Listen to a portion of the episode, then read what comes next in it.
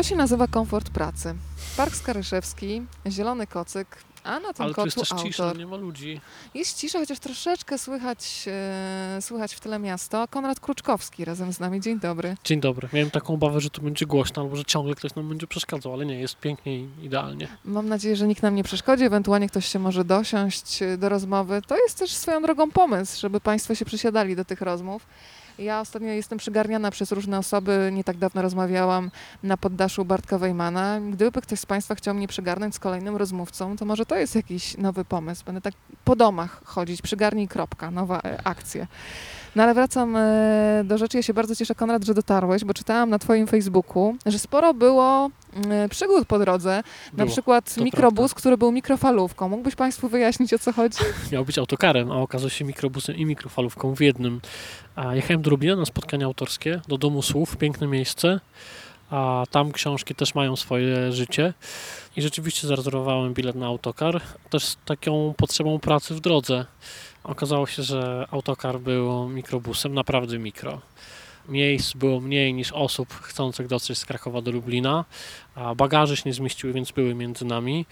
Mm, A oprócz tego pasażerowie dopisali, bo o, obok mnie siedziała siostra zakonna, a za nią starsza pani. Wszystko wskazywało na to, że z dość intensywnym zespołem Tureta. No Nie, nie chcę przeklinać, e, ale tam mieszały się treści wulgarne z treściami religijnymi. Siostra znosiła to bardzo dzielnie, nie reagując.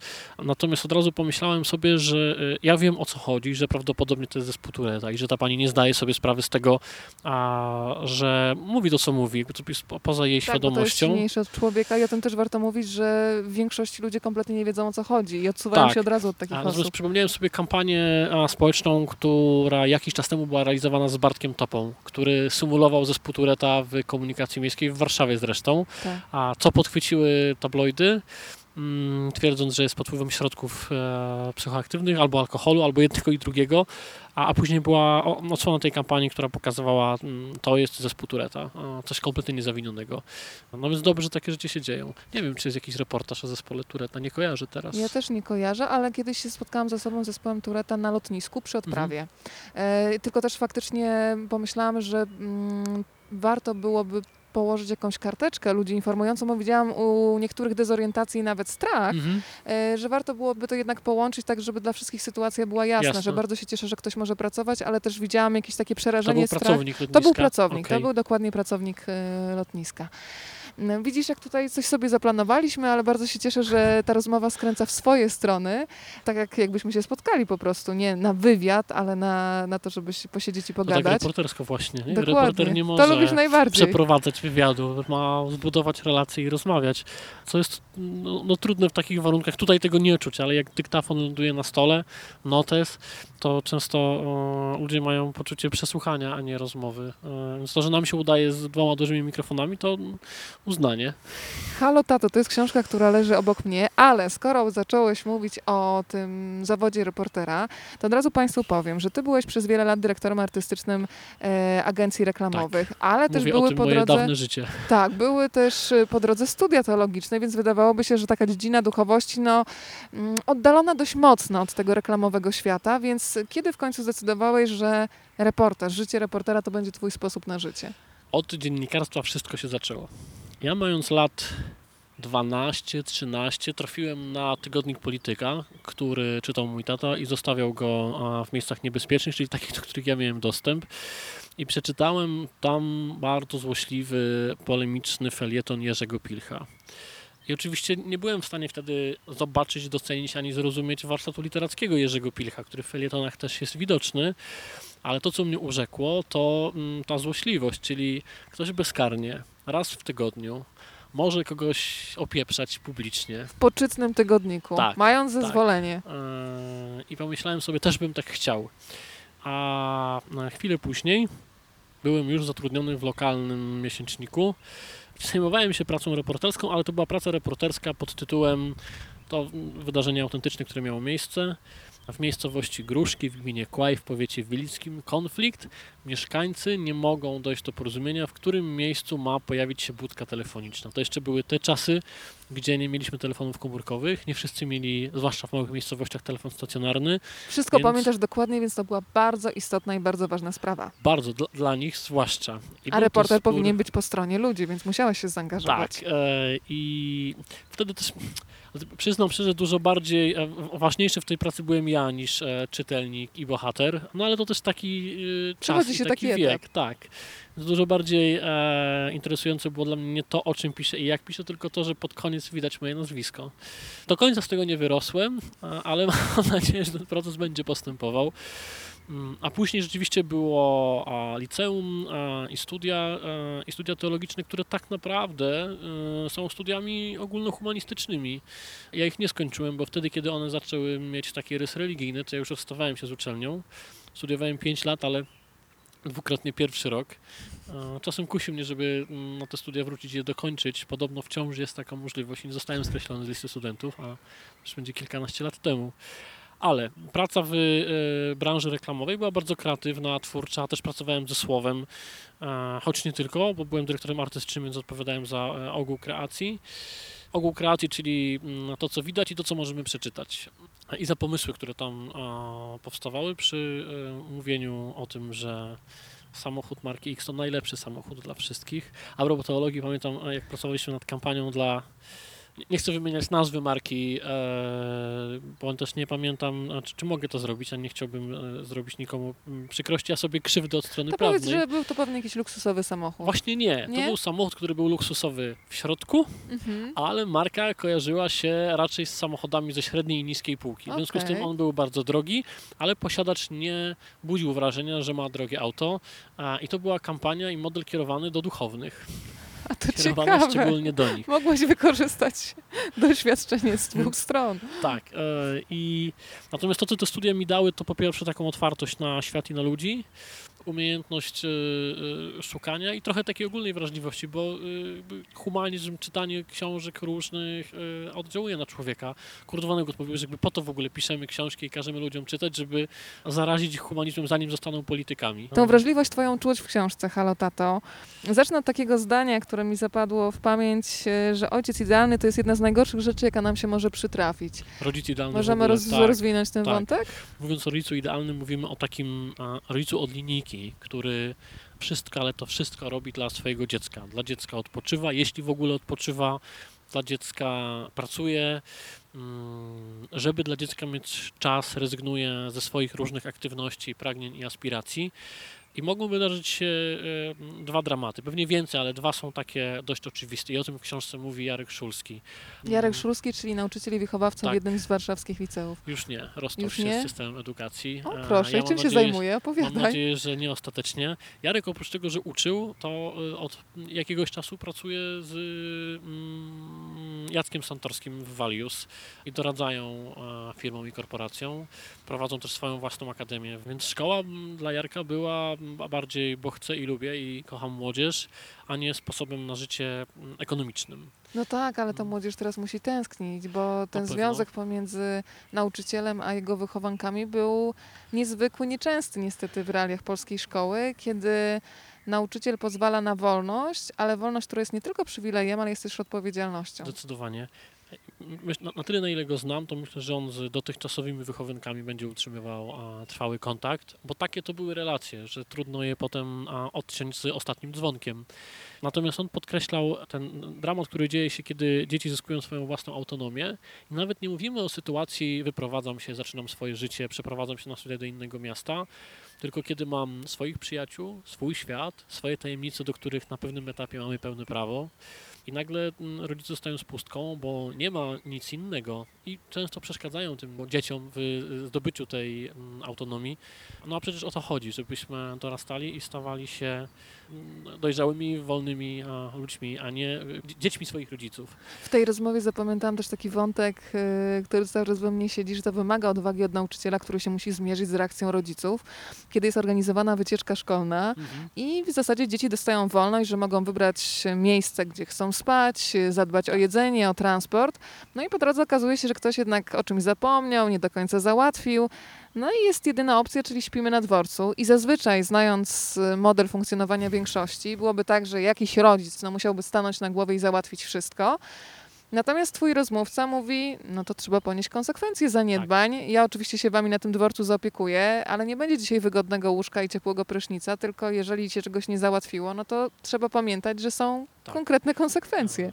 A nawet e, dzie- dzieciaki mogą skalę tych konsekwencji minimalizować. Czyli to dzieci mogą w takiej sytuacji szukać hostelu, który ich na ostatniej prostej e, przyjmie. Rzeczywiście była taka sytuacja, że razem z dwójką rodziców, w tym z ordynator jednego z warszawskich szpitali, z panią doktor, dzieciaki schodziły i wiedzieli już na pewnym etapie, że nie są w stanie dotrzeć do miejsca, gdzie mają nocować. I bo też nie chciałbym, żeby to zabrzmiało tak, że one zostały ukarane. Nie, Jarek powiedział, no to wy musicie teraz poradzić sobie z tą sytuacją. I z dużą radością obserwował, jak dzieci zaczynają się troszczyć o siebie w tym no, dla nim bardzo niecodziennym, nie, niekomfortowym miejscu, jakim jest dworzec. E, e, No i rodzice chcieli wyciągnąć karty kredytowe, wynająć hotel m, czy znaleźć jakąś kwaterę, a dzieciaki powiedziały, nie ma takiej potrzeby, jest ciepło, mamy śpiwory, możemy nocować tutaj. No padło pytanie, co z prysznicem, z higieną, z tymi elementami które nam dorosłym wydają się do szczęścia niezbędne, a dzieciom niekoniecznie. Obserwuję tu u swojej córki, ona może zasnąć brudna, spocona, cuchnąca i najmniej to przeszkadza jej. E, no więc, natomiast dzieciaki też znalazły odpowiedź na to pytanie. Dwie stacje stąd jest e, basen, o 6 rano jedzie pierwszy pociąg, więc tym pociągiem możemy na ten basen jechać i tam się odświeżyć. I udało się. Powiedz teraz taką rzecz, bo Jacek Santorski to jest Mhm. bardzo ważna osoba w tej książce. Znamy Jacka Santorskiego jako i trenera biznesu, i psychologa, psychoterapeutę, człowieka, który bardzo często mówi o psychologii, tłumaczy nam różne mechanizmy, ale to, co odróżnia te wypowiedzi Jacka Santorskiego w innych mediach od tego, co jest w twojej książce, to jest to, że ta, on opowiada tak naprawdę o sobie. Bardzo się odkrywając, mam wrażenie, że w pewnym sensie y, jest nawet taki przed czytelnikiem ogołocony, bo mówi o rzeczach, które najchętniej byśmy gdzieś schowali, no bo mówimy o jakichś słabościach i Mhm. rzeczach, które nas bolą po wielu, wielu latach. I bardzo się cieszę, że no, miałeś w sobie taką moc, żeby otworzyć Jacka Santorskiego, porozmawiać o naprawdę ważnych rzeczach, bo myślę, że w tym doświadczeniu Jacka Santorskiego wiele osób może się odnaleźć. Chociaż Jacek Santorski w pewnym momencie postawił granicę, mówiąc coś bardzo mądrego, ale obok tematu. Mm, Wystarczy mówienia o nim i o jego synach, bo czym innym jest otwartość swoim kosztem, a czym innym otwartość kosztem innych. A, I to też było zdanie, po którym ja przestałem drążyć, a, bo uznałem, że mm, tak, to jest moment, w którym możemy postawić kropkę, bo rzeczywiście, jeśli chciałbym się dowiedzieć czegoś o synach Jacka Santorskiego albo o małżonce Jacka Santorskiego, to powinienem rozmawiać z nimi, a niekoniecznie Mhm. e, z samym Jackiem. To też pokazuje e, jego mądrość, że mm, mimo mm, dużej otwartości wie, w którym momencie mm, trzeba postawić granicę. Ale to też pokazuje bardzo często ten, ten, ta, ta sytuacja, kiedy wiadomo, kiedy się zatrzymać, że są ludzie z tak zwaną klasą, którzy na przykład są w jakimś związku, rozstają Mhm. się i bardzo szanują tę swoją przeszłość, nawet jeżeli finał był jakiś Tak, nieelegancki. ale wiedzą, że chcąc opowiadać o sobie, jednocześnie zdradzają bardzo ważną Mhm. część życia tej drugiej osoby i chyba klasa faktycznie polega na tym, żeby w odpowiednim momencie powiedzieć stop, bo nasze życie staje się nawet mimowolnie częścią tego drugiego życia, e, a to no, w przestrzeni tabloidowej e, tych granic nie wszyscy przestrzegają, no ale na szczęście nie o Nie wszyscy tabloidach chcą mówimy. przestrzegać. Skupię się na tym, co mówił Jacek Mhm, Santorski. jasne. Powiedział o tym, że nosi w sobie bardzo mocno takie doświadczenie mm, warunkowanej miłości, czyli był dzieckiem kochanym, akceptowanym w momencie, kiedy był dzieckiem grzecznym. I tu w ogóle można się zacząć zastanawiać, czym dla dziecka jest w ogóle taki komunikat Mhm. bądź grzeczny. To jest chyba kompletna abstrakcja. Ja, ja myślę, że nie ma niegrzecznych dzieci na, na pewnym etapie. Ja widzę to po swojej córce bardzo wyraźnie, że za każdym razem, kiedy ona robi coś, co my byśmy uznali za niestosowne albo niegrzeczne, to albo to jest konsekwencja tego, że nikt nie zwracał na niej uwagi, a kiedy jest niegrzeczna, to nagle a, wszyscy tą uwagę na niej skupiają. Mm, Rzeczywiście tak jest. Kilka razy to zaobserwowałem. Przykład pracuję przy komputerze, albo moja głowa jest w telefonie, chociaż powinna być przy niej. I ona robi to właśnie z dużą klasą. Czyli najpierw mówi, tato, zróbmy to, a powtarza ten komunikat raz, drugi, trzeci. Ja nie reaguję, to zaczyna wrzeszczeć. Czyli możemy uznać, że zaczyna być niegrzeczna. Natomiast wyczerpała wszystkie dotychczasowe środki, żeby zwrócić moją uwagę i nie przyszło mi do głowy, żeby ją za to karać. Nawet wtedy komunikat, w stylu przecież możesz poprosić, jest nie na miejscu, prosiła chwilę temu. Mm, To jedna rzecz. E, Druga rzecz, że dzieci, zwłaszcza w pierwszym okresie życia, nie potrafią zarządzać swoimi emocjami, nie potrafią ich wyrażać. Więc to zawsze jest jakiś komunikat i to jest nasza odpowiedzialność jako ludzi dorosłych, żeby e, umieć odczytać, co dziecko chce im powiedzieć, takim, a nie innym zachowaniem. A już nie ma nic gorszego, jak dziecko ma objawy somatyczne i mówi, nie chcę iść do przedszkola, bo boli mnie brzuch, a rodzic odpowiada, nie cuduj, albo nie przesadzaj, albo nie kłam, albo nie symuluj. No to jest strasznie odziera dziecko z takiego poczucia własnej wartości, bo powstaje taki obraz siebie w głowie, z jakiegoś powodu ja nie zasługuję na to, żeby mi wierzyć, albo żeby szanować mój świat i to, co ja odczuwam. Czyli trzeba zrobić e, taką stop klatkę i zacząć dopytywać, co się kryje za tym bólem Tak, brzucha, a tak. nie lekceważyć tego albo wręcz deprecjonować Mhm. to dziecko, co ty opowiadasz, szybko ubieraj te buciki i idziemy. A nawet jeśli dziecko o, konfabuluje, nie lubię słowa kłamie, Tak. a, no to zwykle dzieje się to z jakiegoś powodu. Czasami to jest lenistwo, ale to też jest jakaś przestrzeń do rozmowy, mm, a nie do kary. Tym bardziej, że w naszym dorosłym świecie też bardzo często konfabulujemy, to będzie eufemizm w dorosłym świecie e, Tak. i też z lenistwa pewnych rzeczy najzwyczajniej w świecie nie chce nam się robić, natomiast stwarzamy pozory, że ciężko pracujemy, tak też się Dokładnie, zdarza. Dokładnie. I wtedy jakoś tak nie jesteśmy aż tak skłonni do, do samoukarania, użyję takiego sformułowania. A, To jedna rzecz, a druga rzecz, jeśli nie pozwalamy dzieciom, i o tym Jacek Santorski mówi bardzo wyraźnie, dzieląc się swoim osobistym doświadczeniem też, a potem wyjaśniając mechanizm, który się za tym kryje i powołując się na autorytety, Jacek Santorski robi to z dużym urokiem, zawsze ma jakieś nazwisko, do którego może odesłać, mm, że jeśli dziecko się złości jest za tą złość karane, to, to, to trochę tak jakby wycinać kawałek dziecka tożsamości, takiego mojego ja i dużo ważniejsze jest mądre stawianie granic polegające na tym, żeby uczyć dziecko wyrażać tą złość. E, mm, To niekoniecznie musi być e, rzucanie klockiem, czy szklanką, czy kubeczkiem, czy gryzienie. To jest forma wyrażenia złości przez moją córkę. Przez pewien czas tak mieliśmy. E, Nie widzę żadnych ran na razie, tak szybko spojrzałam. Ten etap już chyba minął szczęśliwie. Warto, warto wtedy powiedzieć, to, to mnie boli, a pokazać, że można to zrobić inaczej, powiedzieć o sobie. E, no w ten sposób dzieci uczą się życia w społeczeństwie i tego, że e, wszyscy wyznaczamy sobie jakieś granice. E, Natomiast karanie y, zostawia taki e, ślad, że z jakiegoś powodu ja nie zasługuję na szacunek i później dorastamy mm, z takim głębokim przekonaniem, że za wszelką cenę na ten szacunek innych ludzi muszę mm, zasłużyć. Więc jak ja widzę ludzi, którzy mają w sobie takie duże pokłady narcyzmu, to zawsze staję w ich obronie, bo rzadko jest tak, żeby to był narcyzm spowodowany tym, że ktoś naprawdę myśli o sobie, jestem wyjątkowy, a raczej myśli o sobie. yy, Bo chcę odbudować ten tak, utracony tak, obraz z dzieciństwa. zdecydowanie. Jestem Mhm. gorszy i teraz za wszelką cenę pokażę, że jestem wyjątkowy. Tam jest też takie zdanie, skoro już mówimy o jakichś słabościach i trudnych momentach, które też zapamiętałam, że czasami jest tak, że trzeba się rozpaść, żeby na nowo się poskładać. Dla mnie to jest też taka zgoda na to, że każdy z nas ma jakiś moment ogromnego kryzysu, ale że to też jest potrzebne i żeby zamiast się buntować i kopać się z tym życiem, Mhm. dać sobie ten moment na przeżycie tego i być może właśnie po tym momencie rozpadnięcia dopiero jest człowiek w stanie zauważyć, co jest dla niego ważne. Może nie, nie złoży wszystkich elementów idealnie, ale nawet taki wybrakowany jest w porządku. Trzeba zrezygnować, Tak. a jak już się e, rozlecimy. Wiesz, jak rozmawiam czasami o tej książce mm, z innymi reporterami i pojawia się taki zarzut, że to książka nie do końca jest o ojcostwie, bo każdy z tych ojców stanął w jakiejś sytuacji kryzysowej w swoim życiu. E, I bronię się przed tym zarzutem mm, w taki sposób, że jak kogoś poznaję, kogoś nowego, mm, czasami to są spotkania związane z pracą, którą wykonuję, a czasami to jest przestrzeń zupełnie osobista i prywatna. I nawiązujemy relacje i zbliżamy się do siebie. Czasami to się dzieje dłużej, czasami dzieje się bardzo szybko. To przychodzi taki moment, gdzie e, trupy wylatują z szafy e, i zwykle to jest cierpienie spektakularne. Te trupy zaczynają tańczyć.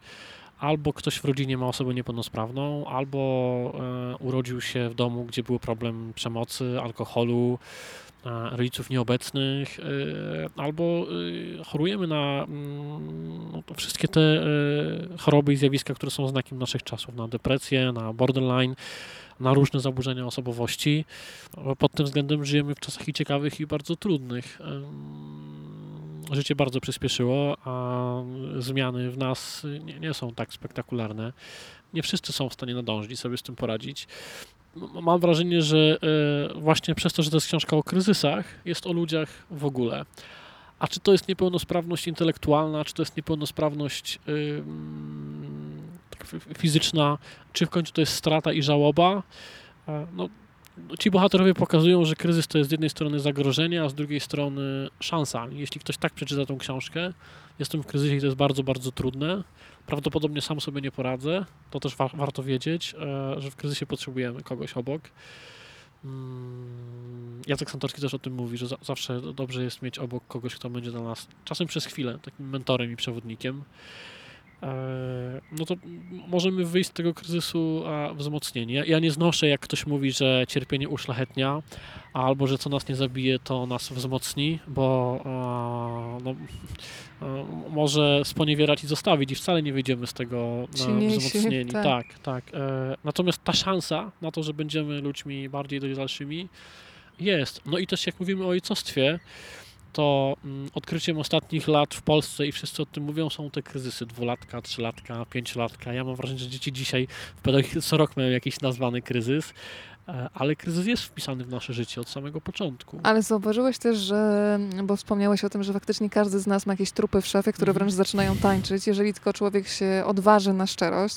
Kilka miałam takich spotkań e, gdzieś w kawiarni ze znajomymi, których dawno nie widziałam. Zaczynaliśmy rozmowę i byłam zachwycona, że w pewnym momencie ta rozmowa wyskoczyła na wyższy poziom. Mhm. Czyli okazało się, że nie czarujemy się, jak jest super, fajnie, glamour i ekstra, tylko nagle zaczęły się pojawiać problemy i okazało się, że w ogóle jest wspólnota problemów, że każdy z nas tak naprawdę mierzy się z podobnymi rzeczami, tylko że się chowamy z jakimś parkanem e, idealnego życia, bo ta nieidealność nam nie pasuje. Zresztą pewnie się zgodzisz, że w świecie mediów, kiedy proponujesz temat związany z kryzysem, z trudnym doświadczeniem, nie, bo to rano zepsuje ludziom humor. A ja uważam, że bycie z ludźmi zakłada właśnie przestrzeń tego, że sobie ufamy i dajemy Mhm. sobie wsparcie również, że życie to nie jest tylko skowronkowo, kiedy jest świetnie, ale że czasami obecność drugiego człowieka, nawet jeżeli realnie nie zmieni czegoś w naszym Mhm. życiu, to nawet to, że ten człowiek cię wysłucha, powoduje, że już jakiś garb ci z pleców po prostu spada i, i to jest ta jedna rozmowa, która może ci dać siłę na kolejny dzień. Potem się pojawi kolejny człowiek, który cię wzmocni i tak idziesz dalej. Piękne jest to, co powiedziałeś o wspólnocie problemów. A ja mam wrażenie, że my dzisiaj próbujemy budować wspólnotę sukcesu, czyli chcemy przynależeć do grupy jakiejś społecznej,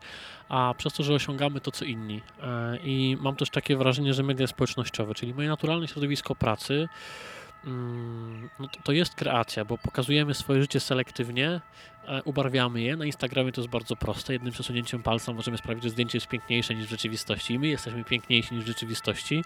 Nie mówię tylko o tym, e, co na zewnątrz i to, co widać.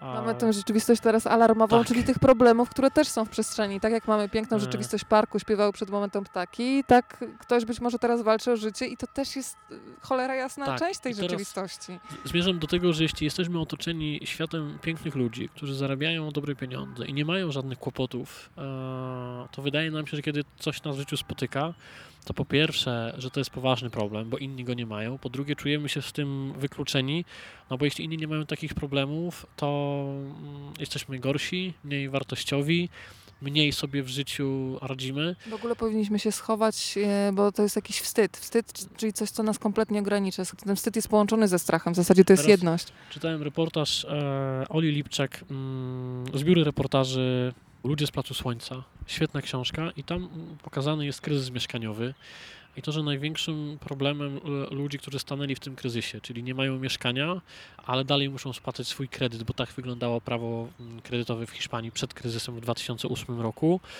I największym wstydem jest przyjście do grupy wsparcia i powiedzenie, mnie też to dotyczy. Mimo, że po tej deklaracji mogą otrzymać pomoc prawną, wsparcie ludzi, którzy już przeszli przez to, no i ratować swoje życie tak naprawdę. Mm, Więc no, nie jest to tylko nasze, to jest jakiś problem e, cywilizacyjny w ogóle. Ostatnio się bardzo cieszyłam, bo w miesięczniku Uroda Życia Ania Maruszyczko rozmawiała z dziennikarką i pomyślałam, że trzeba mieć odwagę i bardzo się cieszę, że takie tematy też się pojawiają. Z dziennikarką akurat z, z prasy kobiecej, która choruje na schizofrenię i opowiadała o tym swoim doświadczeniu tak głęboko, tak mocno, z takim pełnym ogołoceniem, z tym, że spędziła wiele miesięcy w szpitalu Mhm. psychiatrycznym, że jest to stygmat, a jednocześnie pokazała po drodze wielu ludzi, którzy dali jej w tej sytuacji Mhm. wsparcie, nie odsunęli się, potraktowali to jako tę część rzeczywistości, że są momenty, kiedy jesteś wykluczony, kiedy jesteś chory, ale wróć do nas. E, I pomyślałam, że y, ten tekst z jednej strony w bardzo bezpośredni sposób opowiadał akurat o schizofrenii, ale że będzie taką wspólnotą doświadczeń dla tych wszystkich ludzi, którzy z jakichś innych względów Mhm. chorują, czy to fizycznie, czy psychicznie, ale mm, znają ten moment, kiedy się człowiek staje trendowaty dla społeczeństwa, które jest właśnie skierowane tylko i wyłącznie na sukces. E, i, m, To, to szczególnie też dotyczy, myślę, że chorób psychicznych. Wciąż mamy etykietę wariata. Jak chcemy kogoś obrazić, to mówimy mu, że jest szalony, że jest wariatem, że zwariował. Myślę, że to jest trochę nasza odpowiedzialność mediów, żeby dbać o język. Tymczasem, mm, no, rety, no jeśli ktoś ma zapalenie płuc, e, to czy to go w jakikolwiek sposób deprymuje, myślimy o nim, że jest gorszy. Jeśli to jest zapalenie płuc, które jest zawinione, to nawet niespecjalnie traktujemy takiego człowieka mm, pogardliwie, bo żyjemy w takich czasach, że co do zasady nie dbamy o siebie, spieszymy się. Natomiast o- rzeczywiście to jest problem i za każdym razem, jak takie osoby się odsłaniają, to myślę, że zostawiają nas też jeszcze z jednym zadaniem, czyli nie odrzucajcie nas teraz. Kiedy my już zrobiliśmy ten nasz coming out, związany na przykład ze schizofrenią, to przypuszczam, że bardzo łatwo się wystraszyć. Yy, I przykład mm, nie z książki, w książce temat zespołu Aspergera jest poruszony. Mamy Tak. jednego bohatera, który jest ojcem chłopca z zespołem Aspergera, ale jakiś czas temu natknąłem się na blog dziewczyny, która jest programistką. Programista i zespół Aspergera to jest idealne połączenie, bo tacy ludzie są wybitni w tym zawodzie. Nagle się okazuje, że to, co jest ich deficytem, czyli koncentracja, nagle jest y, zaletą zawodową. E, I opisuje proces, jak przeszła kilka etapów rekrutacji w bardzo dużej korporacji, e, dostała tą pracę, wygrała. W momencie, w którym natknięto się na jej bloga, gdzie ona przyznaje się do zespołu Aspergera, bo jest też aktywistką, to odmówiono jej tej pracy, mówiąc wprost, że to właśnie a, przez to i nie uzasadniając nawet y, y, Z czym są związane Tak, te, te obawy, obawy. skoro One po kwalifikacje prostu- są wysokie i spełnia się. wystąpiły. Tak. E, więc potrafię sobie wyobrazić sytuację, że jeśli, nie znam tego wywiadu, ale bardzo chętnie tym zapoznam, że jeśli ta dziennikarka e, opowiedziała o swojej schizofrenii, to na przykład jej pracodawca, obecny albo potencjalny, może pomyśleć, no dobry Boże, a co jeśli będzie nawrót choroby i ktoś tam Na szczęście termin? ci właśnie pracodawcy wychodzili z otwartą ręką, Świetnie. też y, konkretne nazwiska, więc y, też je zapamiętam, bo to jest przykład tego, że w życiu jesteśmy, nie wiem, szefami, pracownikami, ale przede Mhm. wszystkim powinniśmy być ludźmi, o czym myślę, że w wielu miejscach pracy niestety się zapomina. A, no bo żyjemy też w świecie strasznej komercjalizacji e, i to straszne, że y, tym, jak my siebie traktujemy, e, no, na koniec dnia często decyduje o tym tabelka w Excelu. A w mediach widać to bardzo. Słuchaj, to porozmawiajmy jeszcze o tym jednym z kryzysów, który został Mhm. opisany. Jeden z twoich bohaterów, jak mówi, został e, posadzony na wózek, ale nie został usadzony w życiu. Mówiłam ci już o tym, że ta historia jest mi bardzo bliska, bo e, kiedy ja już byłam trzydziestokilkulatką, to mój tato zawsze zdrowy nagle musiał się zmierzyć ze swoją chorobą, musiał usiąść na tym Mhm. wózku e, po amputacjach. Ale do tej pory mu mówię, tato, wiesz co, ty mi pokazujesz, jak wstawać bez nóg, e, ponieważ jego sposób patrzenia na świat i to, że oczywiście to jest dla niego trudna rzeczywistość i założy się, że zrobiłby wszystko, gdyby mógł wrócić do przeszłości, ale w pewnym momencie powiedział mi, wiesz co, ja mam dwa rozwiązania. Mogę siedzieć i płakać i narzekać, dlaczego tak się stało Mhm. i pytać, albo cieszyć się, że tu jestem, że doczekałem wnuków, e, że cały czas jestem e, wam potrzebny. I to mi pokazało to, jak on się zachowuje, jak przyjmuje życie takim, Mhm. jakim jest, pokazało mi, że można wstawać właśnie bez, bez nóg i że dobre rodzicielstwo i ojcostwo nie potrzebuje sprawności fizycznej, tylko tego, że wyposażasz człowieka w taki rodzaj umiejętności patrzenia na świat, że wiesz, że ona sobie da radę. I twój bohater też mówi, że na, na, jak każdy musiał mieć moment kryzysu, ale potem też to, że było dziecko, było mobilizacją, że ja mam dla kogo żyć i mam komu dać Mhm. przykład, że to życie nieważne jakie jest, ale trzeba się z nim mierzyć. Dominik tak w, w ogóle jest bardzo silnym człowiekiem. A, dwóch Dominików w tym reportażu, a, natomiast jeden z nich, mm, Dominik Rymer, a, był chyba wicemistrzem albo mistrzem Polski w szermierce na wózkach, był reprezentantem Polski. Teraz obaj grają w rugby na wózkach. To jest bardzo kontaktowy, dość brutalny sport. Są zawodowo bardzo aktywni i jako ojcowie, i jako y, ludzie spełniający się zawodowo, sportowo, po- poza domem rodzinnym. Jeśli coś ich wyklucza z ojcostwa, to tylko bariery architektoniczne, czyli to, że my nie myślimy. Mm, teraz dokumentuję inny temat, ale też jakby to, to jest wywiad, rozmowa z dziewczyną, która jest na wózku i choruje na stwardnienie rozsiane i od Izy dostałem taką informację, że jeśli powstaje nowy budynek... Czy to jest osiedle- Iza S? Tak, dokładnie. To znam, tak, fantastyczna Iza jest dziewczyna. Cudowna, to prawda. E, piękny człowiek i jeśli powstaje budynek, blok, urząd, szkoła, cokolwiek innego i już na etapie planowania myślimy o tym, żeby ten budynek był dostosowany do potrzeb osób z niepełnosprawnością, to koszt wzrasta o 1%. Niedużo. Tak. A w momencie, kiedy trzeba ten budynek dostosować po tym, jak on już jest skończony i zamknięty, te koszty są zdecydowanie, zdecydowanie większe. Kwestia roztropności i myślenia, że są tacy ludzie wśród nas już na samym początku. I to jest też niesamowite, jak dzieci w tych, e, Dominik jest ojcem dwójki dzieci, potrafią się dostosować do tej sytuacji w naturalny sposób, nie tracąc. Bardzo bym chciała, żeby w sumie teraz mi to przyszło do głowy, żeby takie maluchy już miały zajęcia z takich e, architektury dla dzieci, żeby one były uczulone, że to jest naturalne, że po prostu można stworzyć inaczej budynek. I, no i teraz, jak, jak mówimy o książce i o e, Dominikach, to to było dla mnie odkrycie e, ważne, że niedostosowane są szkoły. Co Dominika wyklucza y, z roli ojca, który pojawia się na wywiadówkach. I on mówi o tym, że ma relacje z rodzicami, z nauczycielami, mm, pojawia się pod szkołą, ale kiedy jest zebranie albo kiedy jest przedstawienie w szkole, on nie może się na nim pojawić, bo budynek nie jest dostosowany. I później rozmawiałem z e, kilkoma dyrektorami szkół, a zaczęła się ta rozmowa od tego, że jeden napisał, mówiąc, my kiedyś myśleliśmy o tym, żeby postarać się o dotację z PFRON-u i dostosować naszą szkołę do potrzeb osób z niepełnosprawnością różną. Ale zrobiliśmy badanie i okazało się, że na przestrzeni ostatnich tam 15-20 lat sprawdziliśmy to, nie mieliśmy żadnego dziecka z taką potrzebą. No i rodzą się dwa pytania. Czy nie mieliście, bo szkoła nie jest dostosowana, e, a być może na terenie ktoś taki jest i mm, no, musi korzystać z innej szkoły, dojeżdżać do innej placówki, tracić czas, energię. To jest jedna rzecz. A druga, a co z rodzicami? Czy, ktoś kiedyś zadał sobie takie pytanie, czy wśród nas, a przecież szkoła jest i dla dzieci, i dla rodziców, uczestniczy w tym trójkącie, nie tylko dla dzieci, jest może rodzic, który ma taką potrzebę. Pamiętasz w swojej poprzedniej książce Halo Człowiek? Anna Dymna Mhm. powiedziała, że jak pojechała pierwszy raz do Londynu Tak. i zobaczyła tyle osób na wózkach, to To przyznała się do naród. takiej myśli, że Boże, ile osób tutaj choruje, ile jest osób niepełnosprawnych. Tylko druga myśl była taka, że ci niepełnosprawni są również w Polsce, tylko, Tylko niestety zmuszeni przez sytuację są zamknięci w domach, a potem się dziwimy, e, że chcemy być tacy zintegrowani, dlaczego Mhm. ci ludzie się zamykają w swoich domach. To nawet nie chodzi o, to też jest oczywiście ogromnym problemem, jakaś depresja i niepogodzenie się z kalectwem, ale y, to, na co mamy wpływ, czyli bariery architektoniczne, to jest kolejny czynnik, który Mhm. zamyka ludzi w domach. Zdecydowanie i e, to, to nawiążę do, do rozmowy z Izą i sytuacji, o, o którą ona się podzieliła, czyli jej kolega z drużyny a, mieszkał na czwartym piętrze i poprosił, e, ch- chciał, żeby wspólnota mieszkaniowa zgodziła się na mm, windę. E, Windę na zewnątrz e, budynku, czy nie ingerowałaby w e, środek. jak- W zasadzie a, ta niewygoda nie byłaby duża i wspólnota się nie zgodziła. A jaka była odpowiedź? A no, że ta winda zakłóci wygląd budynku. mm, No i e, finalnie ta zgoda została uzyskana wtedy, kiedy wspólnota mieszkaniowa zdecydowała, że się spotka, właśnie albo na czwartym, albo na szóstym piętrze i trzeba było tego człowieka po prostu tam wynieść. E, I to był taki moment, w którym oni powiedzieli, ok, zgadzamy się.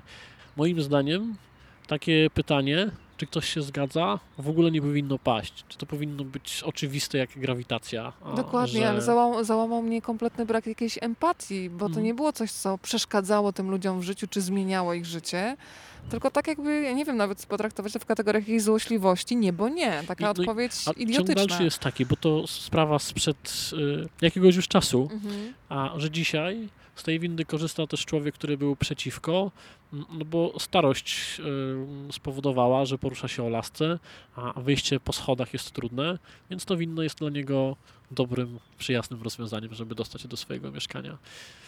To teraz e, rozwinęliśmy ten wątek niepełnosprawności, ale ja bym chciała jeszcze powiedzieć trochę o wspólnocie wspomnień, Mhm. bo y, uśmiecham się aż do tego tekstu, kiedy wspominasz małego Konrada, który, jak to wiele dzieci, lubimy składać takie obietnice trochę bez pokrycia. Niektórym dorosłym też to zostaje potem. Zostaje. I zostaje.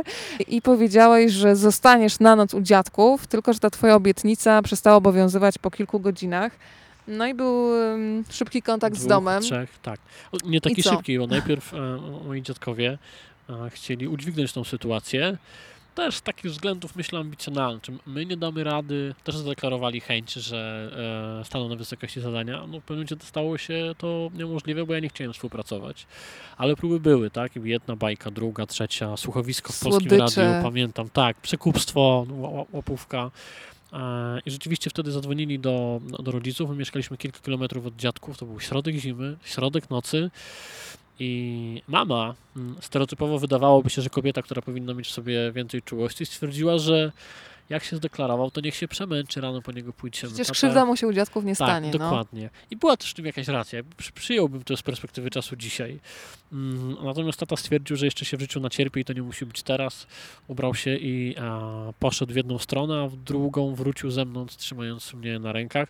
Z opowieści, bo ja tego nie pamiętam, wiem, że już na tych rękach spałem i obudziłem się rano w swoim własnym A powiedzmy, że to nie była bliska droga, bo mieszkałeś Nie. w takiej miejscowości pod Tak. Krakowem, to był śnieg e, A, no i nie było wtedy kolana, możliwości wzięcia Tak. Taksówki. Tak, nie było możliwości, żeby skorzystać z taksówki.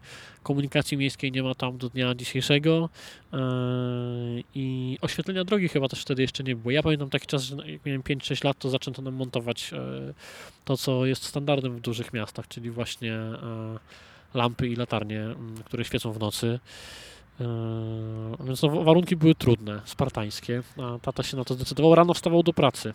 E, Więc no, no, noc nie jego. Słuchaj, ja też się dowiedziałam po latach dopiero i to właśnie od mamy i też tak jak identycznie z tobą myślałam, że to mama mnie kiedyś zabrała z kolonii, kiedy wpadłam na pomysł, że pojadę na swoją Tata. pierwszą w życiu, tak, kolonię.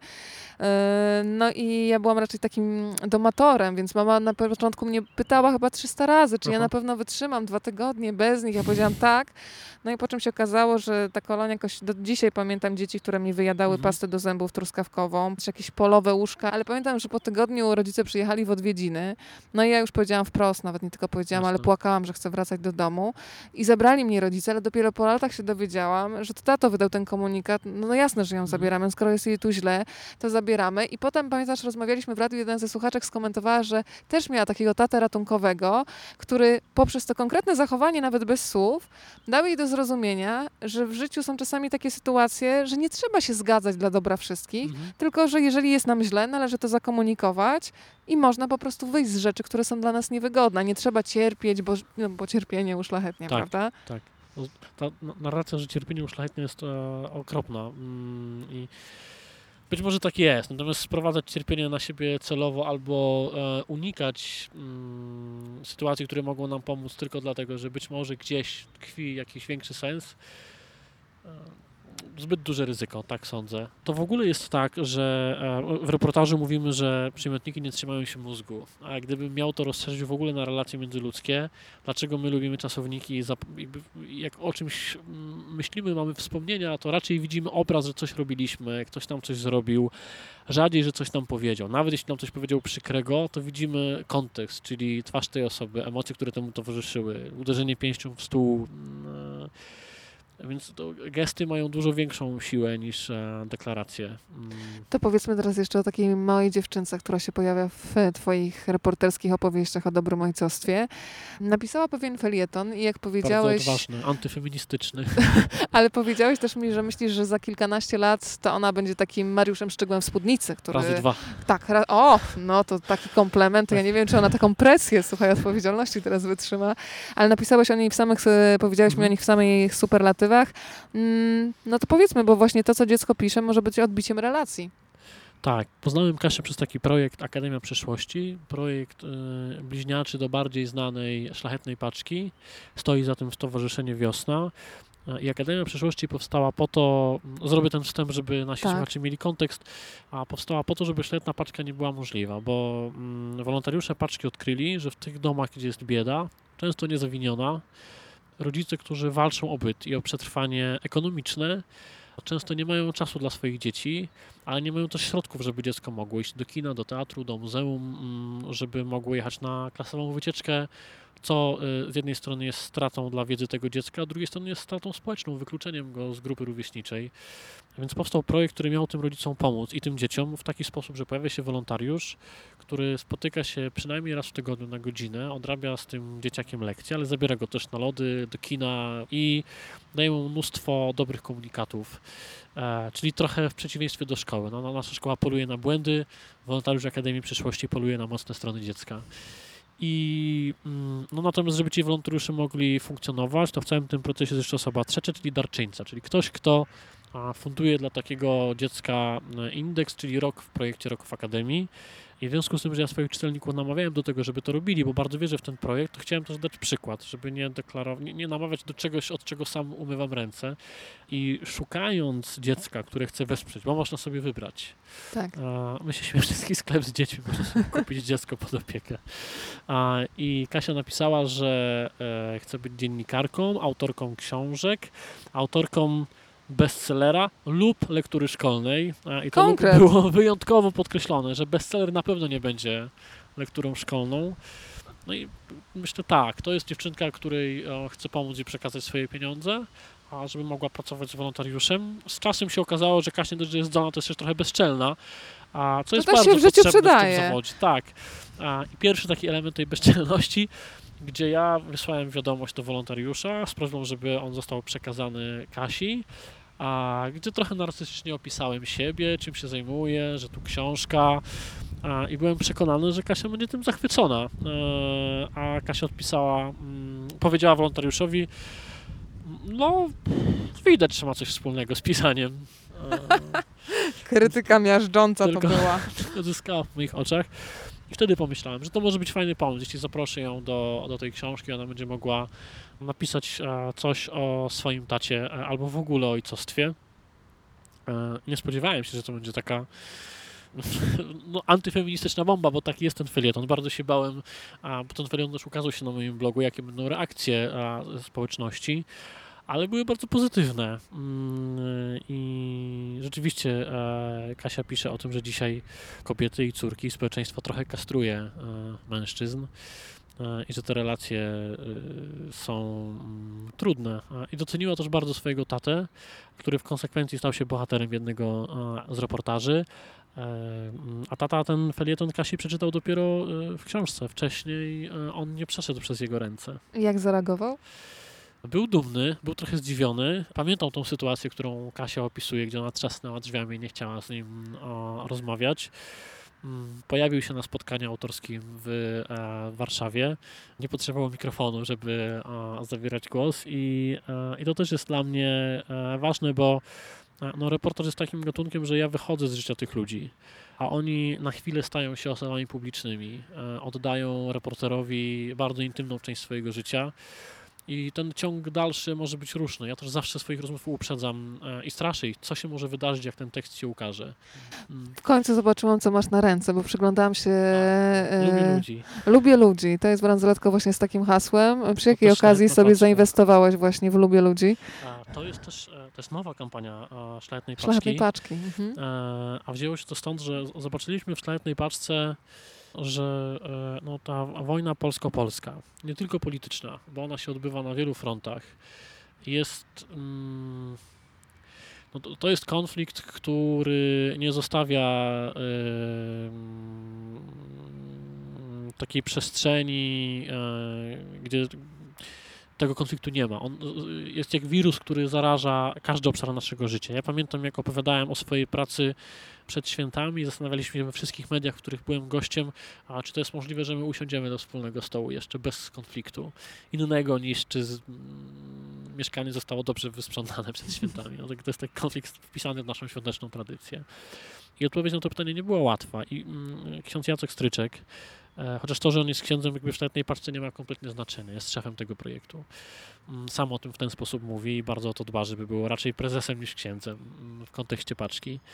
Zobaczył, że jest mnóstwo ludzi, którzy nie chcą się opowiadać po żadnej ze stron. W ogóle nie chcą w tym uczestniczyć, e, którzy są w stanie pracować w jednej firmie, w jednej korporacji, dzielić się obowiązkami rodzicielskimi w, w szkole, na przykład w Radzie Rodziców, z ludźmi, którzy politycznie mają kompletnie inne poglądy i że jest taka przestrzeń, która nas łączy.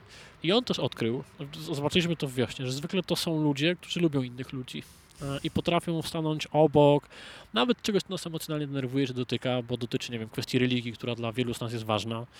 No i stwierdziliśmy, że spróbujemy stworzyć taką koalicję e, ludzi, którzy lubią innych ludzi, którzy doceniają ich pracę. A Można w internecie znaleźć manifest, gdzie właśnie elementem jest też to, że my cieszymy się z sukcesów innych.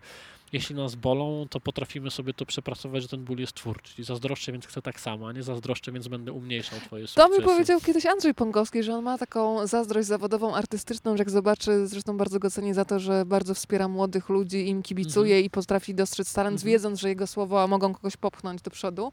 Ale też mi powiedział, że wiesz co, czasem widzę na ulicy dobry plakat, myślę, kurczę, też tak bym chciał i że to jest coś, co go napędza. Tak, to on tego nie dezawołuje, tylko po A, prostu I teraz, jak buduje dla rozmawialiśmy o rozmowie z Jackiem Santorskim z książki, czy my możemy e, poczuć złość? To Jacek, tam pada takie ładne zdanie. E, żałuję, że ono jest Jacka, a nie moje. Propos zazdrości. Zazdrość. że sztuka mądrego życia polega na tym, że my pozwalamy sobie w zasadzie na wszystkie emocje. Dużo ważniejsze jest nie to, co my czujemy, tylko ciąg dalszy, co my z tym robimy. A tłumić no najgorzej, bo one potem wrócą z większą siłą. I rzeczywiście tak jest nawet w domu, że jeśli ja nie wyrażę, e, że złości mnie to, że naczynia są znowu niepozmywane, a umawialiśmy się inaczej, to, że się umawiam, podkreślam to, bo zawsze jak o tym mówię, to pada pytania, sam nie możesz umyć. Mogę, tylko umawialiśmy się inaczej. E, Masz i- to na piśmie. i wiesz co mam? Mieliśmy kiedyś, bo rzeczywiście mieliśmy kłopot z podziałem obowiązków w domu, w tym sensie, że dochodziliśmy do wniosku, dzisiaj odpuszczamy i po dwóch dniach dom trzeba było już odgruzowywać. A, więc spisaliśmy z żoną taki kontrakt, który dla... My mamy kontrakt niepisany, ja odpowiadam za pralkę, mąż za zmywarkę. Wiesz, i to się sprawdza. się, kto w który dzień co robi i przywiesiliśmy to dla wygody życia do e, lodówki. A kiedy przychodzili do nas y, nasi znajomi, ja byłem pewny, że oni to docenią i będą mówić, o jakie fajne, to oni to czytali, że boże, jacy jesteście życiowo niezaradni, że musicie to deklarować i przywieszać do lodówki. Natomiast wracam do tych emocji, że jeśli ktoś e, przez całe życie uważał, że to, że on się złości albo że zazdrości jest złe, jeszcze jak pojawia się narracja religijna, że zazdrość jest grzechem i trafić do piekła, no to mm, później zazdrości i sam siebie nie rozumie i kara y, się za to, że odczuwa tą emocję, która jest naturalna i trudno się jej wyprzeć. Ja jak patrzę na świat reporterski, przyjaźnię się z Anią Śmigulec, która dwukrotnie została nagrodzona Grand Pressem, jest doskonałą reporterką, jest bardzo mm, też to dojrzała reportersko, jeśli chodzi o pozyskiwanie tematów e, i pięknie pisze po prostu. No, reporter totalny, to jak ją czytam, to mo- moja reakcja jest taka, czemu to nie jest mój temat i czemu ja tego tak nie napisałem i skąd ona bierze te zdania A, i może jednak pójdę do tej szkoły Szczygła, którą Ania skończyła, Też bym poszła, A. pójdźmy, zmobilizujmy się. e, e, ale mm, i to jest y, moje, a przychodzi taki moment, że mówię sobie, y, y, Rety, to jest świetny materiał, świetnie zrobiony. I odzywam się wtedy do Ani i mówię, i to jest szczere, to jest autentyczne. To nie jest tak, że ja uprawiam kreatywną księgowość. Mówię, to jest doskonały materiał i ja go chętnie udostępnię, bo temat też jest ważny i trzeba to powiedzieć. I nagle ta zaostrość jakby nie tylko jest dla mnie twórcza, bo chcę do tego równać, to jednocześnie yy, sprawia, że ja potrafię cieszyć się tym, że komuś coś dobrego wyszło. To jest ta filozofia, lubię ludzi. Tak, zdecydowanie. E, Natomiast to nie jest tak, że e, tej zazdrości nie ma, e, tej złości nie ma i na siebie, i na kogoś. E, No tylko mm, rety, żadna sztuka e, mm, stać się wyższym, jak komuś obetnę głowę. No, mm, Celne. Poproszę Cię jeszcze, żebyś na koniec zaspokoił moją ciekawość. Wspomniałeś o... Wiem, że byłeś wczoraj na sesji zdjęciowej z Izą S. Kiedy tekst ja tym opowiadający o Izie? E, mm, Początek lipca, e, pewnie bliżej ósmego, bo wtedy e, Iza wraca ze zgrupowania. E, Jest reprezentantką kadry narodowej e, i teraz mamy Mistrzostwa Europy w Niemczech w rugby na wózkach. Mm, z- I to nie jest delikatny sport. Ja Nie, widziałam fragmenty. nie, nie, Proszę. Państwa, jeżeli chcecie traktować, jak to się przyjął z taryfą W ulgową, Warszawie właśnie nie. 8 lipca, 8 albo 9 będzie pokazowy e, mecz. E, szczegóły na pewno można znaleźć na kulawawarszawa.pl, a, czyli tam, gdzie Iza mm, funkcjonuje w internecie. I to będzie rozmowa, wywiad z Izą na moim blogu, trochę o mm, stwardnieniu rozsianym i o tym, że skokowo, ale no jest to proces, który postępuje, człowiek traci kontrolę nad swoim ciałem i tak naprawdę powoli umiera. Mm, e, o tym, ale też o tym, jak my jako państwo, na przykład refundując leki albo ich nie refundując, a też jako społeczeństwo jesteśmy przygotowani na to, że ludzie ze stwardnieniem rozsianym, ale też ludzie z różnymi niepełnosprawnościami są wśród nas. E, e, O tym będzie ta rozmowa. To E, ja no Izie, obiecuję, że Iza przekażę jest, e, dalej, dobra? Świetnie, świetnie. No bo Iza jest y, no, pięknym człowiekiem. No, y, ktoś, kto mówi w, w gruncie rzeczy ja się cieszę, że już jestem na wózku i nie mogłam się tego doczekać, bo tak naprawdę laska sprawiała mi więcej kłopotów niż wózek. Dziewczyna, która e, no, wygląda jak wagon ze sztabkami złota, ma piękne tatuaże, e, jeździ na wózku, ale dba o to, żeby nosić szpilki, ma Tak, tylko jedne sportowe buty. No to jest osobowość i, e, i ma- mam poczucie wielkiego szczęścia, że przy okazji reportażu o Dominikach spotkałem Izę. Element zazdrości. Ja byłem przekonany, że z Izą zrobię świetny okładkowy materiał do Wysokich Obcasów, bo się do tego nadaje. Dla reportera e, okładka Wysokich Obcasów jest nobilitująca. Znowu myślałeś o sobie, no. Tak, oczywiście, że tak. E, I e, już się z Izą na to umówiłem. Natomiast ja wtedy nie miałem czasu. Minął może tydzień i bardzo duży materiał z Izą pojawił się w gazeta weekend.pl. O tym rozmawiałam z Bogdanem Butenką, że z pomysłami jest tak, że jak go nie złapiesz, to idzie do innej Zaraz ktoś głowy i jest go, przechwycony. go zrealizuje. No ale jestem cierpliwy. Minął rok. A mam Izę i zrobimy duży materiał też ze spotem wideo mm, już na dniach. No ale zgodzisz się, że to jest właśnie najpiękniejsze w zawodzie reportera, w ogóle człowieka, który swój sposób na życie skonstruował w ten sposób, że się spotyka z ludźmi, że właśnie jeden człowiek prowadzi cię do drugiego, potem te światy się gdzieś ze sobą spotykają i tak kolejna historia. Wczoraj mi koleżanka powiedziała, że odkąd ma psa, to e, wzbogaciło się jej życie bardzo, ponieważ Mhm. do spacerów e, przyłącza się człowiek i kolejna historia. Może to jest, ty masz psa czy nie? Nie, mam kota, którego uratowała moja córka. Ale nie chodzisz z nim na Musimy go smyczy? Nie, nie, siedzi w Musimy domu go cały mieć? Tak. Tak, to tak powiedziałeś? Musimy go mieć, już dzisiaj się go nie pozbędziemy. A, to był kot naszych sąsiadów. Znaleźliśmy go w pewnym momencie e, rannego, zawieźliśmy go do weterynarza.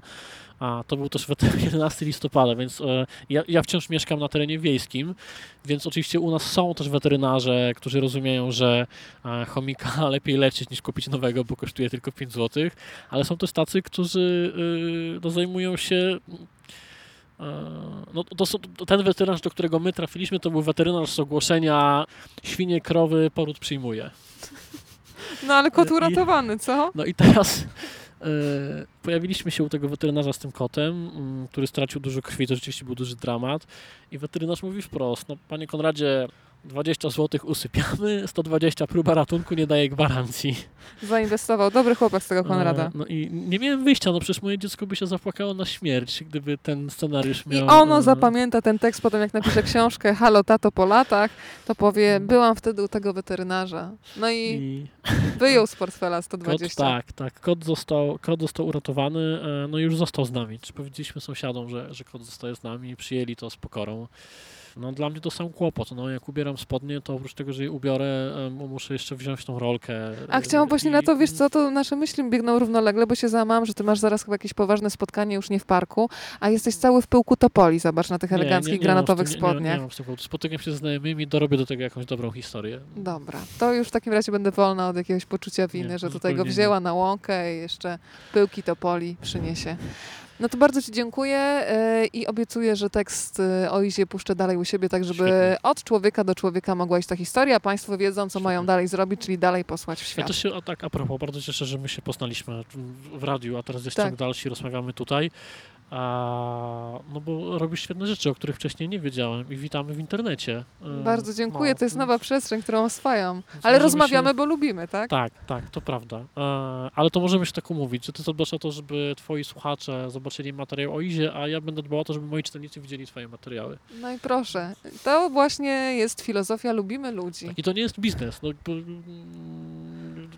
biznes byłby, gdybyśmy z taką intencją się spotkali, nie? A to jest A to jest wsparcie. Bardzo Tak. dziękuję.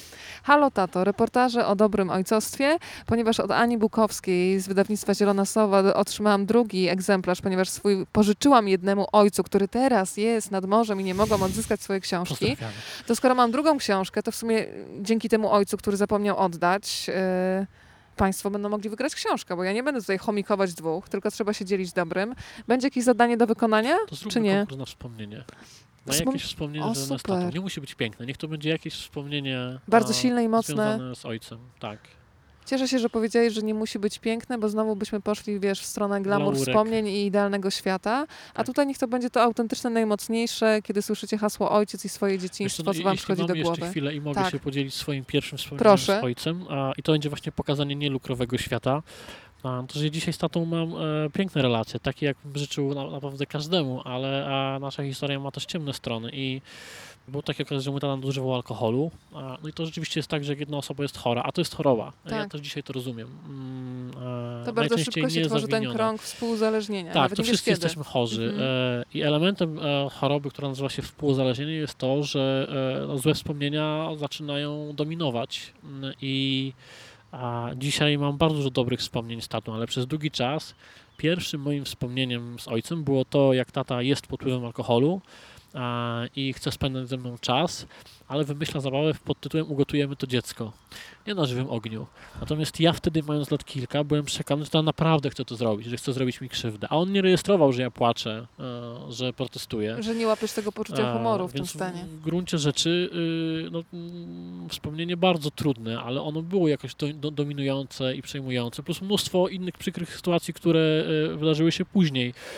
A w momencie, w którym ten proces otwierania mojej głowy na to, co wydarzyło się naprawdę, a to, że oprócz y, złych wspomnień były między innymi takie jak to, że tata w środku nocy się ubiera i pędzi e, Bez na śmierć i życie, tak, żeby mnie uratować. E, no to nagle się okazało, że y, tak naprawdę tych dobrych wspomnień jest więcej, jest zdecydowanie więcej niż tych e, przykrych. I dzisiaj z pełną odpowiedzialnością mogę powiedzieć, że dobre wspomnienia mnie uratowały, bo to e, źle wchodzić w dorosłość z przekonaniem, że moje e, dzieciństwo było e, tylko czarne, a ono tak naprawdę miało różne odcienie. Zresztą myślę, jak czasem z tatą o tym rozmawiamy, to te wszystkie złe rzeczy, które się wydarzyły w naszym domu, a które zostały przepracowane w mądry sposób, chyba pierwszy raz powiem to publicznie, ale też jakby ze wsparciem terapeutycznym, profesjonalnym, to jest bardzo ważne e, i my się strasznie tego boimy, tak powiedzieć, byłem po psychoterapii. Albo Tak. to jest trend i mówimy o tym w kategorii mody, Nawet nie wiesz, jak ci jestem wdzięczna, bo myślę, że w tej A. historii się teraz odnajdzie bardzo dużo słuchaczy po drugiej e, stronie. Mówimy o, o tym, mm, że jeśli już ktoś ląduje u psychiatry, nie daj Boże, e, potrzebuje wsparcia farmakologicznego i leków, na pewnym etapie czasami to jest niezbędne, bo chemia mózgu jest zaburzona i to trochę tak jakby e, rozmową leczyć złamaną rękę. Nie da się.